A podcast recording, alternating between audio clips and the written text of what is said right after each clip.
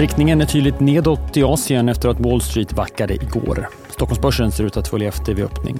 Du lyssnar på det i Morgonkoll. Det är fredag den 21 april och jag heter Alexander Klar. Ja, det är nedåt i Asien. Börsen i Fastlandskina backar kring 1,5 procent. Hongkongbörsen och Tokyobörsen kring en halv procent. Och från Japan har vi fått bekräftad inflation på drygt 3% i mars för andra månaden i rad. Fortfarande under toppen i januari då inflationen var över 4 den japanska centralbanken har till skillnad från andra centralbanker varit oroliga för att inflationen ska falla under deras 2% mål för snabbt. Och därför har Bank of Japan behållit sin väldigt expansiva penningpolitik. Samtidigt kommer nu medieuppgifter om att centralbanken överväger att ändra sin så kallade yield curve control där man medvetet hållit nere räntorna. Enligt källor till Reuters kommer Bank of Japan låta policyn ligga fast vid nästa möte som också är Kazueras första som chef.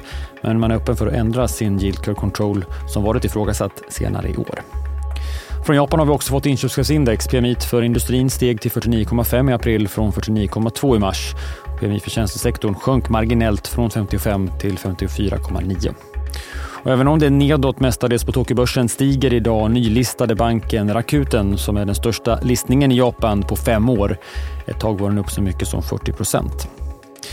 Så till Wall Street som backade igår. S&P 500 ner 0,6 procent, Nasdaq något mer, knappt 1 procent och Tesla tyngde med en nedgång på 10 procent efter rapporten som kom efter stängning i förrgår. Prissänkningar ledde till lägre marginaler och dessutom så ifrågasattes det fria kassaflödet i bolaget och efter rapporten nedgraderade flera amerikanska storbanker aktien. Bland övriga bolagsnyheter så meddelade amerikanska nyhetsbolaget Buzzfeed att man lägger ner sin nyhetsavdelning. Aktien rasade nära 20 procent. Och Googles modersbolag Hej, Ulf Kristersson här.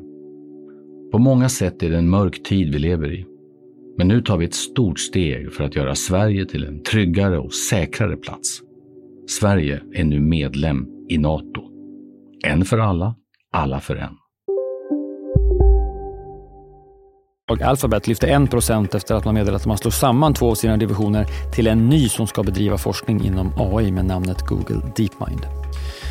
Alla fokuserar på rapportsäsongen och den stundande räntehöjningen från Fed i början på maj, men vill man också oroas för det amerikanska skuldtaket så kan man notera att priserna på CDS-kontrakt, alltså credit default swaps, mot betalningsinställelser från staten steg kraftigt igår till den högsta nivån på över tio år.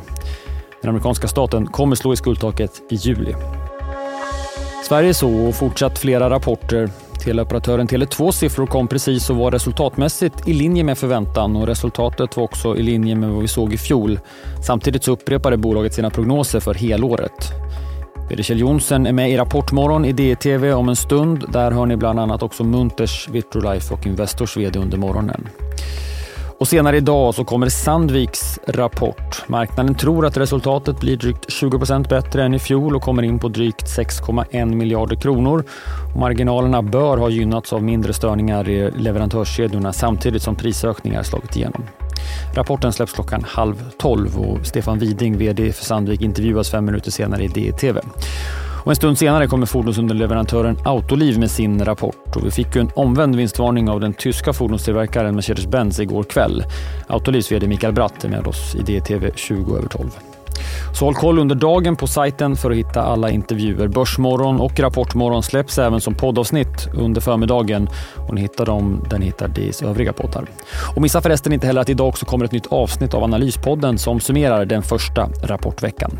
Det är Morgonkoll är tillbaka igen på måndag. Då går vi mot en intensiv rapportvecka. Mycket att se fram emot. Jag heter Alexander Klar. Trevlig helg.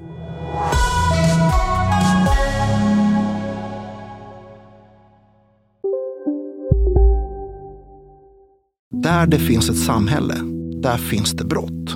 Krimrummet är podden som tar brottsligheten på allvar. Jag bjuder in landets ledande experter och tar upp aktuella rättegångsfall för att begripliggöra den kriminalitet som kryper allt närmare. Du, alltså, du kan knäcka ett eller några gäng, men det kommer komma nya och så kan vi knäcka dem sen. Men att du ska knäcka allt forever, det kommer aldrig ske. Det är infinite gain. Lyssna på Krimrummet, en podd från Expressen med mig Kim Malmgren. Har du också valt att bli egen? Då är det viktigt att skaffa en bra företagsförsäkring. Hos oss är alla småföretag stora och inga frågor för små. Swedeas företagsförsäkring är anpassad för mindre företag och täcker även sånt som din hemförsäkring inte täcker. Gå in på swedea.se företag och jämför själv.